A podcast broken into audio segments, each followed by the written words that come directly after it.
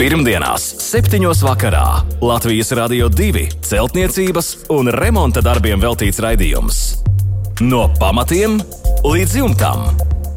Ar padomiem un atbildēm uz klausītāju jautājumiem Latvijas Rādio 2 studijā - tehnisko zinātņu doktors, būveksperts Juris Biršs.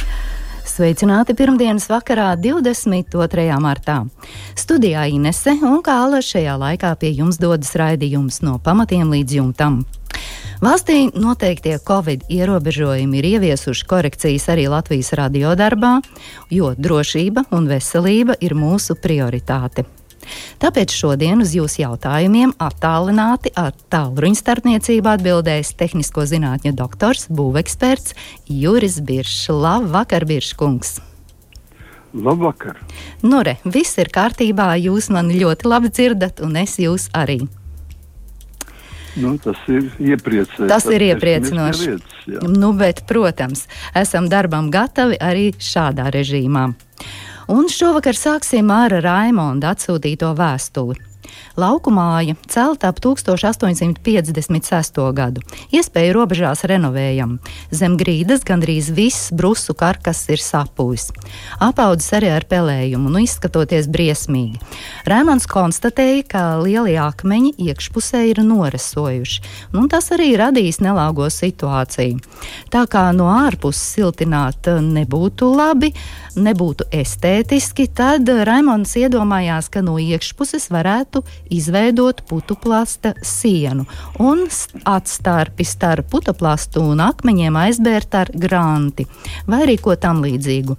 No pamatnes nekāda mitruma nav, tur ir blietēts māla slānis, un Rēmons klāt ir pievienojis attēlu uh, un arī savu vīziju par risinājumu, kā šie darbi būtu jāveic.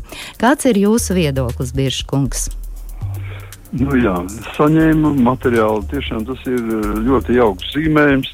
Un uh, tās bildes nu, patiešām ir diezgan atbaidošas. Tātad, tātad viss ir skaidrs, tā ir problēma. Bet problēma neslēpjas tie, tur, kur teiksim, Raimons tā domā tieši. Visa nelaime ir viena lieta. Šī 1858. gadā celtā māja ir domāta un projektēta un arī eksploatēta kā māja ar augsto pagrīdi. Kaut kādā laika gaitā, droši vien kaut kur pēc uh, simts gadiem vai kad vai vēlāk, tātad uh, tas ir ir kaut kur nu, pa, pagājis cilvēkiem, un šīs e, ventilējošās, e, ventilējušies atveres, kas ir jābūt pamatnē, nu, teiksim, cokola daļā ēkas pamatu cokola daļai jābūt atvere. Šis atveres ir aiztaisīts, vai viņas ir vispār cietas, vai viņas ir aizbirušas, vai viņas nefunkcionē. Un līdz ar to teiksim, mūsu augstā pagrīde ir pārvērtusies daļēji par silto pagrīdi. Bet gaiss nekustās, un tā kā mums ir, mums ir grunts temperatūra ziemā sasniedz plus 4 grādus, un, nu, un, un augšā te, telpā ir plus 20 grādi, tad neizbēgam beidosies kondensāta ūdens. Un šajā tukšumā beidojas ūdens, ko pierāda arī Raimons, ka viņš raksta, ka uz akmeņiem redzami ir uh, norasojuši vai nosvīduši. Tas ir tiešākais veids, kā mums veidojas temperatūras stabilitātes dēļ, veidojas mitrums. Un līdz ar to, to, uh, teiksim, to tehnisko variantu, ko iesaka, ko vīziju, kā redz Raimons, mēs pielietot nevarēsim nekādā gadījumā.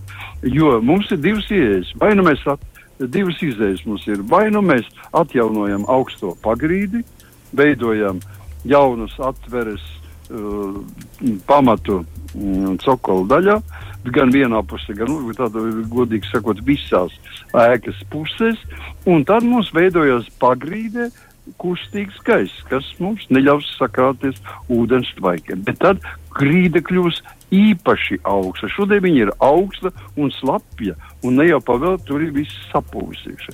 Otrs pareizākais risinājums ir pilnībā atstāt pamatus tā, kā viņi ir. Nostiprināt viņus no iekšpuses, jo tie pamat akmeņi jau sāk vēlties laukā. Tātad viņus vajadzētu attīrīt, nostiprināt no iekšpuses ar jābu, vai nu, katrā gadījumā teiksim, ar kaut ko saturīgāku par granti.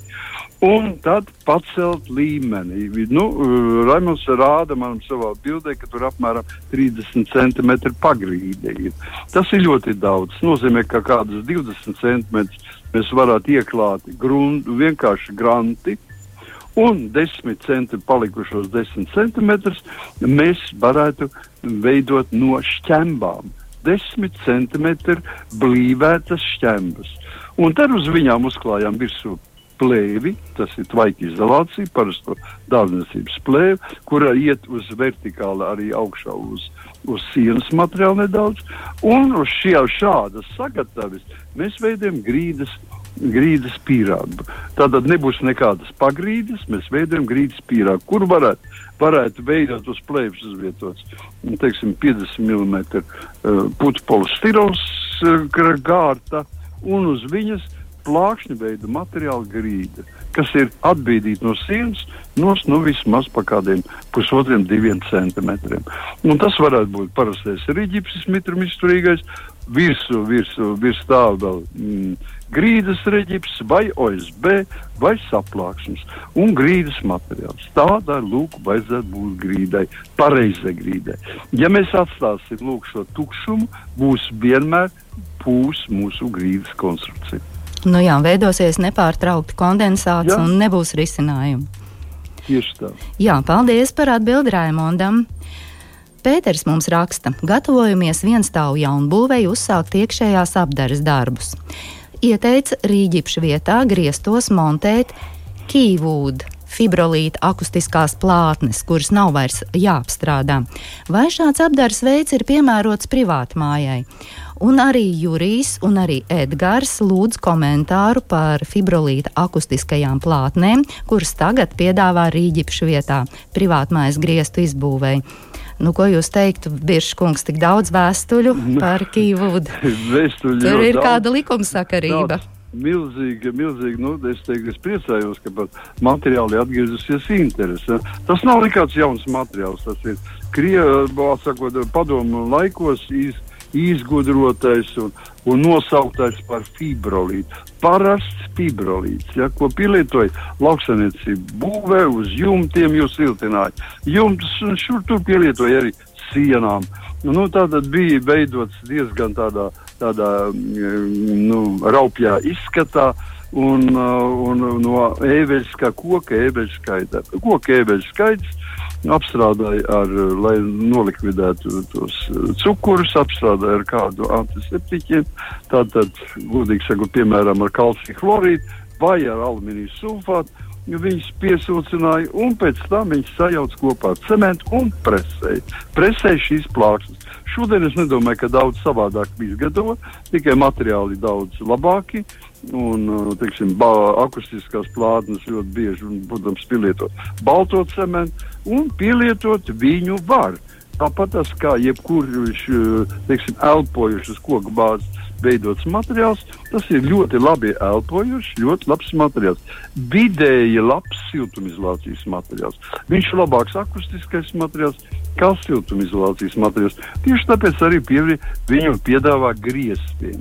Nu, vai, vai jums patīk tā, tā ir subjektīva īpašība? To katrs īpašnieks pats var pateikt. Ja jums patīk tāda skaidra plāksnes, nu, tāda fibrolīta, eh, fibrolīta struktūra, kas ir, kas ir saprasēts uh, eveļa skaida. Ja, ja tāda, tāda zīmējums patīk, viņš ir, nav īpaši gaišs, ja, viņš ar laiku arī paliek tumšāks. Ja jūs viņu lakosiet, viņš arī paliks tumšāks.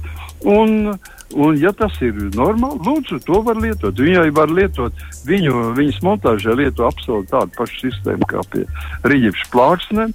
Un, teiksim, tā montāžas darbi, nu, vienīgais materiāls pats ir dārgāks. Nu, nu, Rīķis mums ir ļoti lēts materiāls, daži eiro, jā, vai pusotra vai divi eiro par kvadrātmetru. Nu, tad šis materiāls katrā ziņā būs reizes 5, 6 dārgāks. Jā. Bet ņemot vērā to, ka viņi raksta kā raksta Pēters, raksta, un uh, kad nekas nebūs jādara, tad uh, liks montēs tādas pašas kā dabūn, dabūn būvmateriālu veikalā, tad atkrīt gruntēšanas darbi, protams, špaktelēšana, kas pie rīģips ir, un atkrīt arī krāsošana. Ja šie darbi atkrīt, tad viņš varētu konkurēt ar to pašu rīģipu. Nu, skaidrs, tā tad, jā, izmaksas arī atkrīt. Nu, izmaksas būs drusku lētākas, ja mēs neko nedarīsim. Ja mēs gribēsim viņu padarīt tos grieztus baltus, piemēram, tad mums vajadzēs tāpat spaktelēt, viņus vajadzēs, vajadzēs viņus gruntēt, spaktelēt un krāsot. Tad nāks klāt viss tas kas, un tad viņš paliks jūtami dārgāks. Skaidrs. Bet uh, katrā gadījumā elpojošs, labs materiāls. Nedaudz mitros apstākļos, nedaudz briest. Jā, par to jārēķinās. Tā tad var izmantot fibrolīta akustiskās plāksnes, uh, griestu apdarēji un izbūvēji privātmājās. Jā, jā. paldies, paldies par šo atbildi. Nākamais ir Renāra jautājums par fasādes apdari. Kāds risinājums būtu veiksmīgāks, jautā Renārs. Ir koka karkasa apdzīvojama būve, sienas biezums 200 mm, no ārpuses apšūta ar 12 mm OSB plāksnēm, siltinājums ir ekovate. Kā veidot fasādes apdari, lai gala rezultāts būtu apmetums? Līmēt akmens vati vai izmantot kokšķiedras plāksnes, nu, kāda būtu arī darba secība, jautā Renārs. Jā, nu šeit man tā liekas, ka uh, viss uh, šeit ir dažādi varianti un dažādi ir. Viens ir skaidrs, ka mums kaut kas virs tām AOSB plāksnēm ir jāliek, jo mēs liksim tikai apmetumu uz OSB plāksnēm, tad viņas vāji turēsies pie vibrācijām, bied, bieži vien viņš var arī, arī teiksim, nokrist nost šis apmetums. Tāpēc par to ir jāpadomā. Bet es gribētu vispirms pateikt sekojuši. Ja mums ir nu, tādā ekovatas 20 centimetru.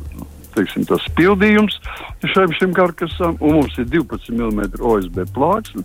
OSB plāksnes ir ļoti vājš, vāji uh, elpojoši, tā sakot. Viņas ir slikti, laiž cauri ūdens tvaikus mitrums, viņas piebriest un vēl sliktāk vajag. Tāpēc es ieteiktu šīs 12 mm OSB plāksnes, pēc tam, kad jau viņas ir uzliktas, mēs viņus varētu retā vietā, nu, teiksim, ik pa kādiem 30, 40 centimetriem perforēt, ja? veikt kaut kāds caurumiņš, izurbt ar urbīti, tas, ne, tas ir ļoti viegli darāms, nu, apmēram ar kādu nu, astoņnieku, desmitnieku, tādu. tādu var, pat sešnieks būt mm, pēc diametra. Un mēs veicam tādu perforāciju. Pēc tam no ārpuses mēs liekam virsmu uh, mīksto kokšķiedra plāksni. Es jau gribētu 2,5 cm. Uh, mēs viņu varam līmēt, mēs viņu varam ar, ar skrūvēt, mēs viņu varam visdažādākā veidā dabūt klāt. Un pēc tam uz tā mēs liekam virsmu uh, sietu, plasmasas sietiņu. Pie tam liekam visu diezgan vaļīgi, lai, ja, lai varētu uzvilkt virsmu apmetumu. Ja? Tātad labi elpojušu, gatavu. Nebūtu nekādas nepieciešamības pašiem to visu izgatavot, bet var nopirkt gatavu vai nu sakret vai kāds cits firmas tātad, apmetumu. Un tas apmetums varētu būt apmēram nu, 15, 16 mm biezumā. Un tad mēs viņu krāsojam. Nu, vai atstājam tāpat, izmantojam krāsainos apmetumus. Nu, tā tad nonākam pie tā, ko mēs gribējām. Pirmdienās, 7. vakarā Latvijas Rādio 2 celtniecības un remonta darbiem veltīts raidījums. No pamatiem līdz jumtam. Ar padomiem un atbildēm uz klausītāju jautājumiem Latvijas Rādio 2 studijā - tehnisko zinātņu doktors, būveksperts Juris Biršs. Un turpinām ar Raimonda atsūtīto jautājumu. Kā pareizāk siltināt pamatus ar putu polisterola plāksnēm? Kāda apstrāde pamatiem būtu nepieciešama un cik dziļi zem zemes jāliek plāksnes, lai ziemas apstākļos, kad grunts cilājas, tās pasargātu no plaisāšanas? Jā, nu, jautājums ir ļoti daudz. Interesēs man uzreiz ir visiem jāpaziņo, jāsaka, ka es uh, neatzīstu to.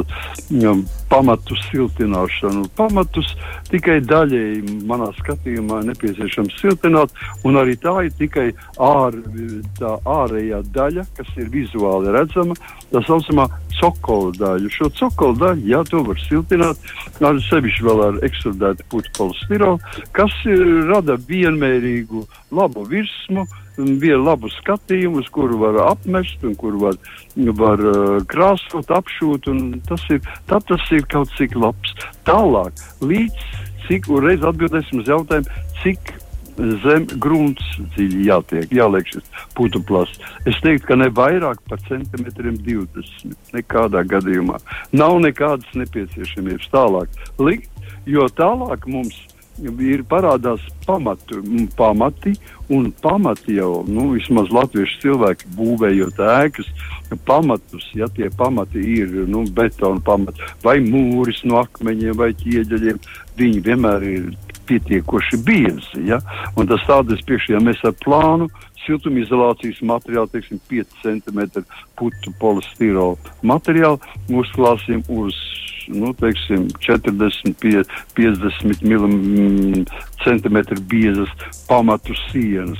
Nu, tas izklausās, izskatās vienkārši smieklīgi, ja mēs iedomājamies, ka mēs no kaut kā aizsargājam. Ja jums ir pagrabs un nepieciešams ir pagrabā silta, silta telpa, tad mēs siltinām pagrabu no iekšpuses un slēpjamies aiz uh, siltumizolācijas materiāla. Nevis slēpjamies aiz bieza betona sienas kaut kur ārpusē atrodas siltumizolācija. Kam viņa ir vajadzīga? Es vienmēr smējos un saku, ka šajā gadījumā mēs siltinām Rīgas staciju daudz efektīvāk nekā savu māju.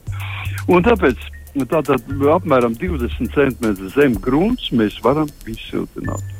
Tālāk nav nekādas nepieciešamības vairāk. Ja jums vajag pagrabā siltu, tad mēs to darām no iekšpuses. Ja nav pagraba telpas, tad vispār kam tas būtu vajadzīgs? Nevar iedomāties, lai mēs eh, teiksim, pusotru vai metru dziļu, dziļumā pamatus līdz pašai pēdai siltinātu ar putekļu vai putekļu uretām. Nu, ja naudas nav kur likt un tranžēt, tad varbūt tādas pārmērības var darīt. Tas ir eh, jautājums, jā, tur vēl jautājums par to, kā pasargāt no, no teiksim, grunts izcilāšanas. Ja? Lai pasargātu no grunts izcilāšanas, mums vajag nevis eh, atrokot šos pamatus, tik un tā mēs dabūsim nedaudz atrakt. Mēs pievie, lie, liekam teiksim, no pēdas. Vispareizākais būtu līdz pēdai rakt, un tad mēs pievienojam pie sienas telpisku geomembrānu. 8 mm pumpiņām ar pumpiņām pret sienu. To ceļam uz augšu un kur mēs sastopam šo siltinājumu, šos ja 20 cm zem grunts, mēs liekam gar ārpusi. Ja? Tātad virsū uz siltumizolācijas materiālu. 5 cm zem virs grunts. Un tālāk viņš tiek pasargāts šis, šis no saules iedarbības, tātad pasargāts ar, ar šķembu, ap, apbēršanu, apriņķību. Gar apmali vai apmali veido no atsevišķiem betona mm, bruģakmenīšiem vai plāksnītēm.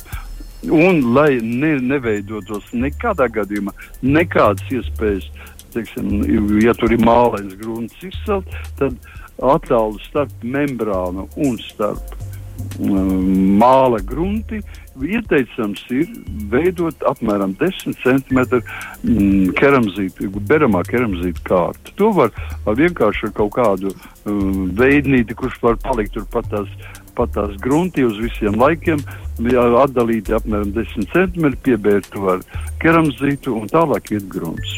Jā, paldies, paldies par atbildi Raimondam. Sandras vēstuli. Sandra raksta, veicam dzīvokļu remontu 70. gados celtas piecstāvu ķieģeļa ēkas trešajā stāvā un konstatējam, ka nepieciešams izlīdzināt grīdu, jo istabas vidū grīda ir apmēram par centimetru augstāka nekā malās pie sienas. Iepriekšējie dzīvokļu īpašnieki oriģinālai dēļu grīdai bija uzklājuši kartonu un vēlāk arī laminātu. Noņemot visas kārtas, arī dēļus konstatējam, ka vaina ir koka lāgās, kuras nesaprotam iemeslu dēļ ir izliekušās uz augšu augšu. Lāgas bija uzlikts uz koku klucīšiem. Zem kuriem bija paliks kaut kāds mīksts materiāls, nu, iespējams, kartons, kurš laika gaitā vietām bija sadrupis, saspiedies. Gatami, gatavojamies nomainīt izliekušās lāgas. Un tagad Sandrs jautājumi. Vai zem klucīšiem uz betona ir nepieciešams likt vēl kādu materiālu, kartonu vai kādu citu, kā tas bija iepriekš? Un vispār kam, kādam nolūkam tas ir paredzēts? Vai varam uz betona likt koka klucīšus, tad koka lāgas, iepriekšējos dēļus, jo tie ir labā stāvoklī, tad grīdas kartonu un laminātu ar odarīti. Un vēl Sandra piebilst, ja saprotu pareizi, tad visām kārtām jābūt ir apmēram no puscentimetra līdz centimetram attālumā no sienām. Jā, nu, šeit ir vesela rinda jautājumu, bet praktiski tas nozīmē, ka mēs vienkārši gribam daudz stāvu namā, trešā stāvā pārveidot grīdas. Apakšā mums ir, ir uh, nu, betona, betona, betona plāpa, betona paneļi vai betona plātne izveidota. Nu, apmēram labi saprast to nevar, bet katrā gadījumā ir betona pamatne. Jā, un gala un rezultāts tāpēc, vēlams ir lamināta grīda. Jā, Jā, lamināt grīdu mēs gribam. Es teiktu, ka kad eh, Sandrija iedomājusies ļoti atkārtot to, kas tur jau ir, un samierinājās ar ļoti vecmodīgu un šodien praktiski pat kā nepieņemamu variantu. Tas ir darbietilpīgs, tas ir koks, tas ir atkal uh, katrā gadījumā nu, nu diezgan kaut kādu līdzīgu konstrukciju, kādu jau Sandra aprakstījusi, mums nav vajadzības. Jā, mēs varam izdarīt vienkāršāk un labāk. Jā, vienkāršāk un labāk. Tas nozīmē visu istabu, visu šo telpu atbrīvojam no visa, kas tur ir. Atstājam tikai betonu. Tikai betonu. Izslaukam, viņu ar putekļu sū, sūcēju, nu apstrādājam, atstājam tikai betonu. Uz šī betona klājam pa visu perimetru iekšā nu, putu polistirolu vai putu poliuretānu e, kārtu, nebiezāku, nu, teiksim, pilnīgi pietiekoši priekš trešā stāva ir 3 cm bieza kāds vai 2 cm pat. Ekstrudētais 2 cm putu poliuretāns, ideāls materiāls. Mēs klājām visu, visā, visā platībā. Uz šīs kārtas mēs liekam virsmu uh, tātad.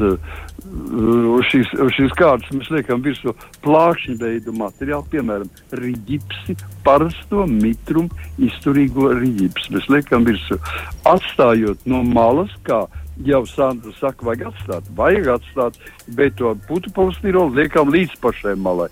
Un šo plāksni, plāksnīti mēs liekam to plāksni, liekam nu, pusotra, divi centimetri no visām malām. Pēc tam liekam virsū nākošo kārtu, kas varētu būt, teiksim, grīdas riģipsis, un saskrūvējam abas divas šīs uh, riģipšu kārtas kopā.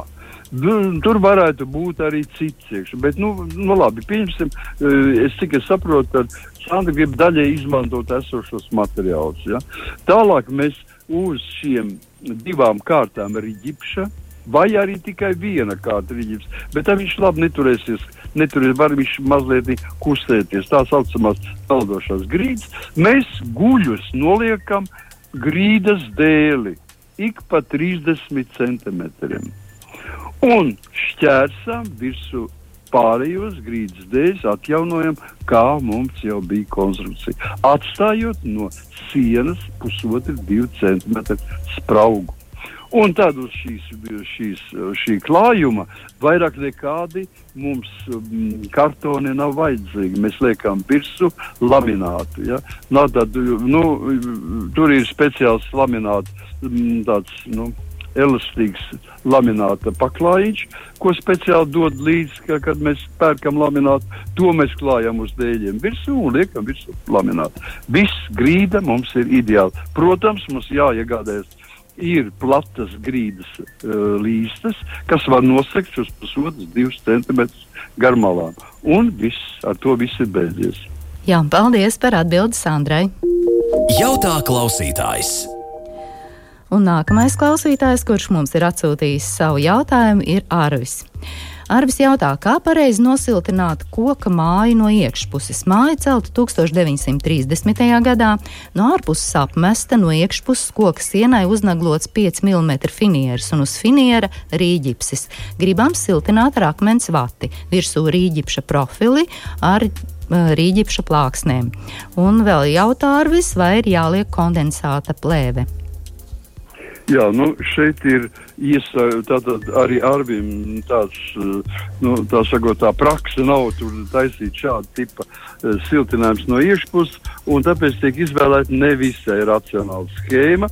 Pirmām kārtām, otrām kārtām tie materiāli arī nav tie labākie, kas izvēlēti. Es te ieteiktu šai gadījumā uz atbrīvotas šī eh, saplākšņa virsmas, jo tas nav finieris, latviešu finieris ir finierējums no kā veida liekam virsū, bet, lai finieri, par zem parasti mēs saprotam saplāksnes, ja.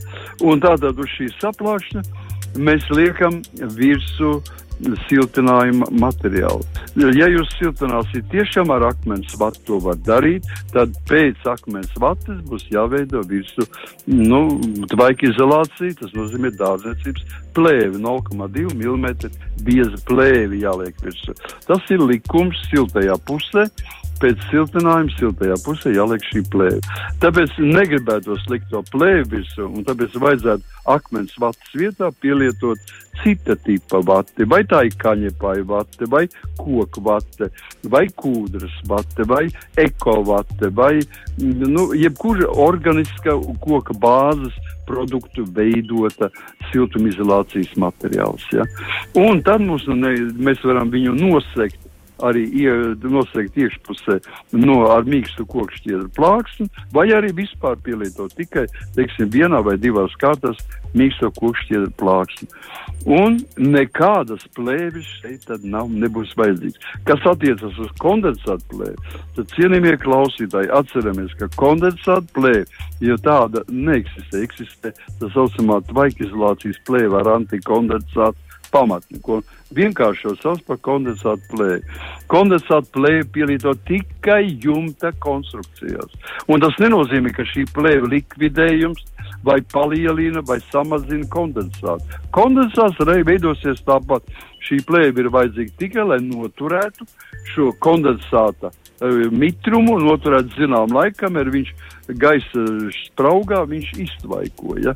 Un tā kā jūsu sienā nebūs nekādas gaisa spraugas, tad tas nozīmē, ka nekādas kondensāta plēves jau vairāk, bet praktiski nekādas plēves. Ja pielietojam akmens vati, tad gan iekšpusē ir jāliek šī kondensāta plēve, un tad uz viņas mēs ar mazu, mazu atstarpīti, puscentimetru atstarpīti, veidosim to riģipsi. Jā, paldies par atbildi Arvim. Anita mums raksta, gribam pie saimniecības ēkas piebūvēt piebūvi, kura tiks izmantot dārzeņu un sakņu uzglabāšanai, nu tā kā tāds virzemes pagrabs. Domājam piebūves sienas būvēt no aeroblokiem un apšūt ar dēļiem. Ieeja piebūvē būs no saimniecības ēkas, kur ir apsildāma. Pamatu un griesti tiks siltināti. Cik biezi bloki vajadzīgi un kāds būtu sienas pīrāgs, lai ziemā nebūtu mīnusi un arī vasarā nebūtu pārāk liels karstums. Jā, nu šeit Anita mazliet ir aizmirsusi, ka mums ir tā saucamais uh, enerģijas un materiāla nezūdamības likums. Mēs nekur nevaram no nekā veidot enerģiju. Ja? Tā kā ja mēs veidosim šādu sienu, mēs, be, un šī telpa kļūs par apsildām. Jo viņa vienkārši ziemas laikā, pēc vairākām nedēļām, iegūs ārā temperatūras lietu. Jo, ja viņa būtu būvēta zem zemes kā pagrabs, tad viņu sildītu mūžīgais eh, nu, teiksim, grunts, siltums, kas nāk no zemes. Zemes dzīvēm, kas ir plus 4 grādi. Šai gadījumā viņi ir domāti virs zemes, un tātad gāzi, veidojot viņu no gāzbetona, nu, es nezinu, metrs, divi metri, varbūt siltumizolācija, lai izturētu divus mēnešus visaugstākos laikus. Ja? Tātad tas nebūtu reāli. Ja? Tas nozīmē, ka mums ir šī, šī šāda tipa pagrabs būs ziemā nedaudz jāpa, jāpievāda papildus siltinājums. Kas attiecas par par, uh, lai vasarā būtu, saka, nebūtu nesasiltu par daudz, tad jāieveido kārtīga ventilācija. Ja? Tātad ventilācija mēs veidosim iebūvējot divus skurstenīšus, vienu nu, nolaižam līdz, līdz uh, grīdai iekšpusē, un otrs ir pie griestiem tātad skurstenītes, kas ir savstarpēji pa diagonāli nobīdīti. Un tad vienkārši to, kas nolaists līdz grīdai ceļot uz augšu, var panākt līdzsvaru, ka parādās gaiss. Ja?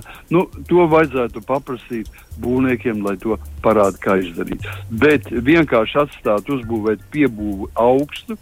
Ar to, ka mēs taisīsim biezas sienas vai briegs, liksim biezu siltumizolāciju, siltums nerodās. Mhm. Jā, paldies par atbildi Anitai. Nākamais ir Jāņa jautājums. Vai liederīgi ierīkot mansardu privātmājai ventilācijas caurules, nu, piemēram, vilpo? Uz kondensāta plēves un piegulošās daļas spārēm veidojas punktveida pelējums līdz 2-3 cm diametrā, vairāk pavasaros un mitrajā siltajā laikā. Jā, nu šeit ir, tā sakot, es saprotu, te ņem, te ir domāta somu firmas vilpe. Uh, jumta accessori. Ja? Tātad šie jumta accessori, kas lielākoties ir vai no jumta kurs, aerācijas elementi, vai, vai deflektori, vai jumta teiksim, vēja, vēja turbīnas un tā tālāk. Šāda tipa tikt cauri. Tātad Jānis grib ar šādu tipu mm, mehanizāciju, varētu teikt, mēģināt tikt cauri no tā, ja nav pareizi izveidots jumts. Tātad, kāpēc radās šīs punktu veida pelējums? Tikai tāpēc, ka gaiss, kuram jāiet jumta konstrukcijā pie dzegas, iet uz augšu, tātad pa speciālu traktu, kas ir jāpada, jāparedz, un nonākot, tātad, nonākot koras rēnā, viņš iziet no koras ārā. Tātad šeit viens no, no ieeja vai izēja ir cieta. Tāpēc veidojās mums attiecīgos mitrākos laikos, siltajā laikā jau sevišķi, un mitrā laikā veidojās punktu veida pelējums, kurš pēc tam pāries, viss būs vienkārši mm, nu, tāda mm, ļoti, ļoti pla, plaša, mm, plaša pārē, nu, pelējuma pārklājums. Ja? Un praktiski nenotiek nekāda ventilācija. Ar vienu, ar vienu tikai šīm caurulēm ierīkojot vairākas caurules uz jumta, mēs nespēsim ventilēt jumtu. Ja? Tas nozīmē, ka mums ir jāpārskata šī lieta un jāzina, kur ir ciet. Ja ir apakšā ciet pie dzegas, tas ir jāatbrīvo visā garumā 2 cm. Plata sprauga, kur var nosegt ar tīkliņu, lai nelien mošķiekšā. Tas ir visā garumā ēkai abās pusēs. Un uh, augšā korei jābūt ir vaļā. Ja kora ir, ir cieta, viņa at, atveram vaļā, un skors tāpat no tās pašas firmas vilp, vilpe var dabūt, pasūtīt tātad kors aerators, kurs aerātora plāksnes, kurš līmē virsū, vai kurs deflektors, kas ir pusotra divu metru tādi elementi, kurus uzskrūvē arī uz skūras virsū. Lūk, tad viss būs kārtībā. Jā, paldies par atbildi Jānim. Un noslēdzam šovakar raidījumu ar Edvīnu jautājumu. Kādus ķieģeļus un kāda sastāva būvjavu lietot pārbūvējot sildmūri? Ir tā saukto cukas mūrīti. Nu, jā, mēs, diemžēl, laikam, laiks mums tuvojas jau beigām, un gari runāt par dažādiem uh, mūru, mūrjavām, kas ir domāts karstuma izturīgs un kas domāts ir krāsnes mūrēšanai, mēs varētu runāt stundām ilgi. Tāpēc vienkārši teikšu ļoti vienkārši. No, no, no tātad mm, elementiem, no kuriem no ķieģeļiem mēs pielietojam tikai pilnu ķieģeļus, tas ir pirmais keramiskus, pilnu ķieģeļus. Un no būvjavām es ieteiktu vienkārši krāšņu mūrjavas gatavā veidā.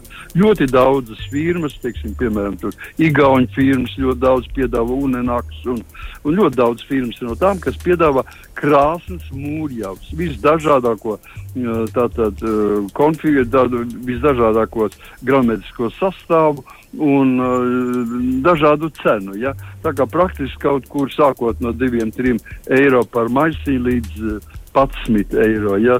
Atkarībā no tā, cik nu, iztur temperatūras, cik ciklus un tā tālāk. Ja veidojas kaut kādi defekti, tos pielabo ar tā saucamo uguns cementu, fire cementu. Jā, paldies, Biržkungs, par atbildi Edvīnam. Līdz ar to arī šovakar mūsu raidījums ir izskanējis. Paldies, klausītāji, par jautājumiem. Atgādināšu mūsu e-pasta adresi remonds at lr2.lv. Savus jautājumus varat iesūtīt, izmantojot arī mūsu Latvijas Radio 2 mājaslapu. Un raidījuma atkārtojumus varat noklausīties Latvijas radio arhīvā un noteikti arī izmantojiet savas iecienītākās podkāstu platformas. Biržkungs, paldies jums šovakar par darbu! Visu labu! Tiekamies pēc nedēļas! Pirmdienās, 7. vakarā Latvijas Rādio 2 celtniecības un remonta darbiem veltīts raidījums. No pamatiem līdz jumtam! Ar padomiem un atbildēm uz klausītāju jautājumiem Latvijas Rādio 2 studijā - tehnisko zinātņu doktors, būveksperts Juris Biršs.